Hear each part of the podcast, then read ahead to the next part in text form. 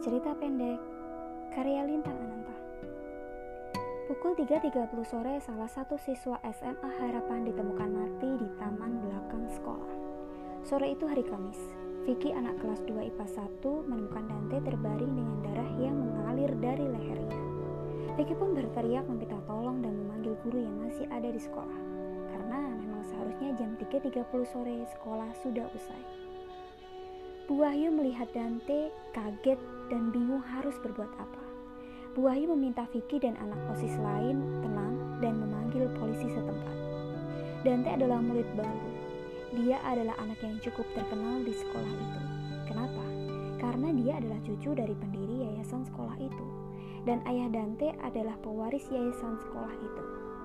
Sore itu yang awalnya terlihat biasa menjadi suram Angin dingin terasa di sekeliling sekolah itu.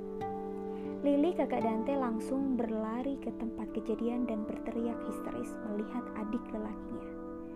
Dante, Dante, teriak Lili sambil menangis. Vida, Una, udah tahu Dante? Una melepas headphone dan bertanya pada Vida. Ada apa? Kenapa kamu lari-lari?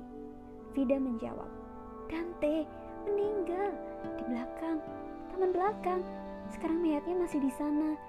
Wahyu panggil-panggil dia, dia tidak menjawab. Pendarah, tidak ada yang berani mendekati.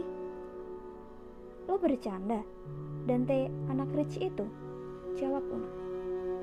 Una dan Vida mendatangi TKP. Una adalah siswa yang dibilang memiliki otak paling encer di sekolah. Anak misterius yang tidak suka keramaian. Di TKP, Una berkeliling di sekitar mayat Dante untuk melihat apa yang terjadi. Ya, Una memang ingin menjadi detektif, meskipun itu terdengar sangat aneh. Beberapa saat kemudian ada dua polisi datang. Hanya ada dua polisi. SMA Harapan memang terletak di puncak, lumayan jauh dari tempat ramai. Pak polisi pertama, Pak Dirman, meminta siswa agar tidak berkerumun.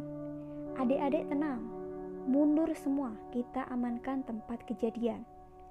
Pak polisi kedua bernama Pak Yahya. Dia jongkok di kanan korban sambil melihat luka di leher Dante dan dia berbicara pada Bu Wahyu. Ini jelas kejadian bunuh diri. Melihat pisau kecil yang masih ada di tangannya.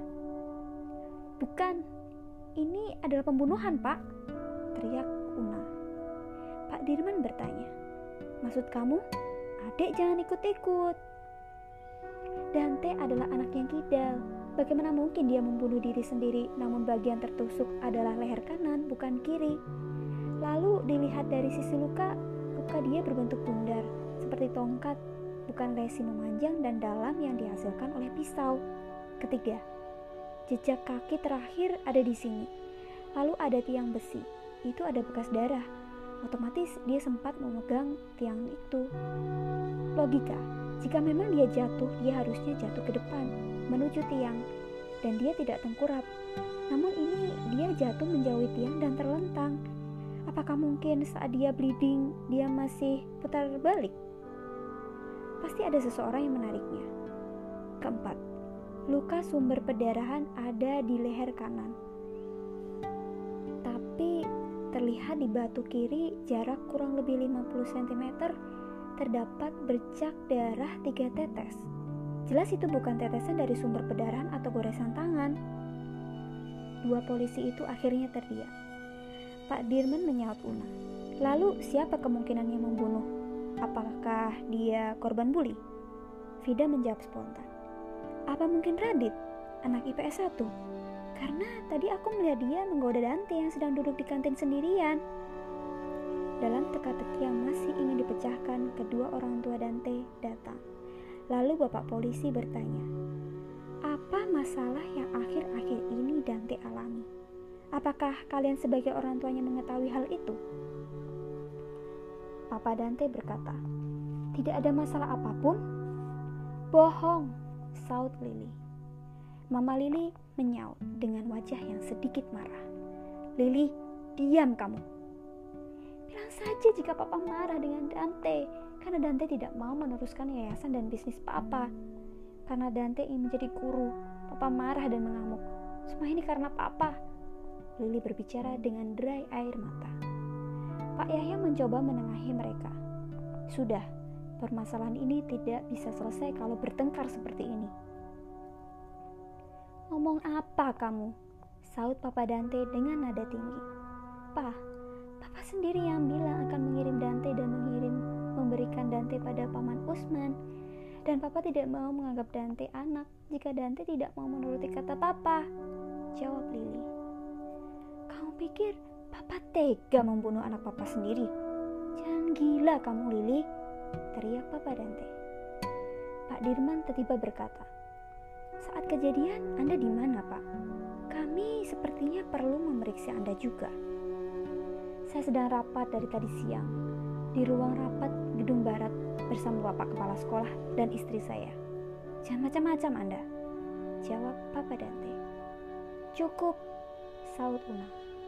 Pak Tony, apa Anda masih menulis Dante sebagai ahli waris sampai sekarang? Lanjut Una. Masih? Dan saya masih berharap pada Dante. Saya pernah berkata kasar dan emosi karena saya sedang banyak masalah ada bukti tentang catatan ahli waris nanti? Jawab Papa Dante. Hmm, berarti sudah jelas bahwa Papa Dante bukan pelakunya. Jawab Luna. Hmm, taman belakang ini sudah lama tidak terpakai, bahkan harus melewati gerbang kecil yang pintunya selalu dikembok. Saat Vicky melihat Dante dari luar gerbang, kunci masih tergembok. Hanya petugas kebersihan yang memiliki kuncinya. Jelas bukan dia pelakunya, karena tidak pernah kontak erat dan kemungkinan sangat kecil memiliki masalah dengan Dante, bahkan kemungkinan 0%. Ruang musik? Ya, ruang musik. Jelas Una. Pak Dirman, ruang musik? Kamu perjelas, jangan berbelit. Jadi, ruang musik memiliki dua pintu, satu pintu utama dan satu lagi pintu belakang yang bisa tembus ke sebelah taman. Jika bisa masuk lewat pintu itu, maka tidak perlu lagi kunci gembok untuk masuk ke taman ini. Pukul 2 siang, di luar gebang masih ada banyak siswa karena jam pulang sekolah jam 2. Siapa yang terakhir masuk ke ruang musik antara jam 2 sampai 3? Jelas Una. Lily, saut seorang siswa bernama Lawrence. Lily, ujar Una dengan tatapan tajam kepada Lily. Apa? Aku tidak mungkin membunuh Dante. Aku memang ke ruang musik setelah pulang sekolah untuk mengambil biolaku. Terang Lily. Bolehkah melihat biolamu? Tanya Pak Yahya. Pesan biola Lily ada benda tajam dalam tongkatnya. Lily pernah bilang ke aku karena dia jaga-jaga South Lawrence. Lawrence saut Lily. Bagaimana kamu mengeluarkan benda tajam dalam tongkat biolamu, Lily? Tanya Una. Ini, aku buka ujung. Lalu ada seperti pensil di dalam. Tinggal pull up. Terang Lily. Bukan Lily pelakunya. Jawab Una. Lihat tongkat biola itu, masih baru dipoles. Ujung tutup tersembunyi rapat, tanda jarang dibuka dan digunakan. Nyonya Tony, Kenapa Anda menggunakan sarung tangan? Lanjut Una. Ini fashion, karena sedang musim tren klasik, Eropa. Mana kamu paham dan tidak ada hubungan dengan Dante? Ujar Mama Lili. Sudah, lebih baik kita makamkan saja Dante baru kita cari siapa yang membunuh Dante. Lanjut Mama Lili. Bukan, itu bukan fashion. Beri aku tiga, men tiga menit menjelaskan Bapak Polisi. Tidak ada hubungan dengan fashion klasik Eropa karena antara baju dan gloves yang Anda pakai jelas tema dua fashion yang berbeda. Tadi Anda sedang rapat juga dengan Pak Tony. Lanjut Una. Lalu Pak Tony mengangguk. Anda dan Pak Tony adalah keluarga kaya, berangkat dengan mobil datang menuju ruang rapat yang di sana sudah ada paving. Lanjut ke lantai keramik. Namun sepatu boots Anda terdapat bercak tanah yang berwarna coklat, sama dengan tanah di sini, di taman yang tidak terawat ini. Anda menggunakan gloves, lalu irama nafas Anda lebih dari normal.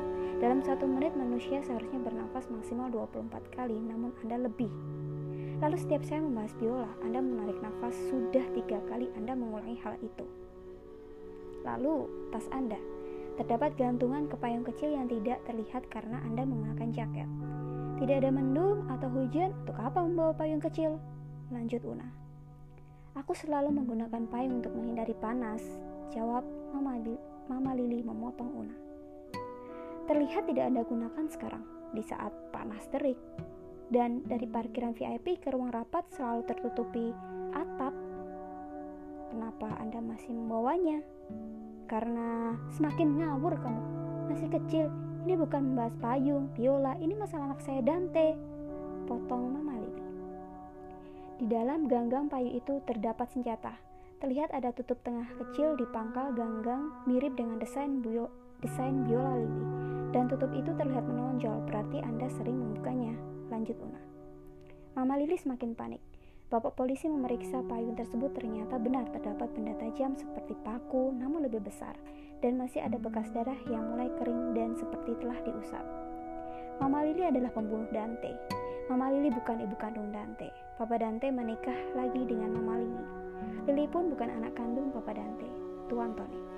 Namun, Lili menyayangi Dante seperti adik sendiri.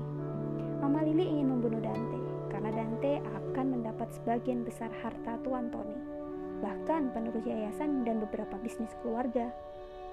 Sedangkan Lily, anaknya, hanya akan mendapat rumah.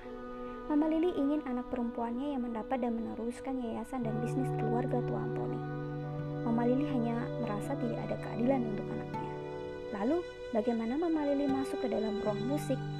Bukan ruang musik, Memang Mama Lili membayar tukang taman sekolah untuk meminjamkan kunci gembok itu diam-diam dan mengajak Dante berbicara, seolah-olah ingin menenangkan Dante karena kejadian kemarin saat Dante bertengkar dengan papanya. Lalu, kapan dia membunuh Dante? Karena Mama Lili sedang rapat. Mama Lili beralasan untuk meminjam laptop Dante di tengah-tengah rapat yayasan. Tindakan dia sangat cepat, tidak ada obrolan soal masalah keluarga, hanya dia membawa Dante dan langsung membunuhnya dari belakang. Oleh sebab itu Dante tidak tidak jatuh tengkurap mendekati tiang, namun menjauhi. Terima kasih telah mendengarkan podcast cerita aku. Dan jangan lupa untuk selalu stay tune untuk cerita aku selanjutnya. Bye.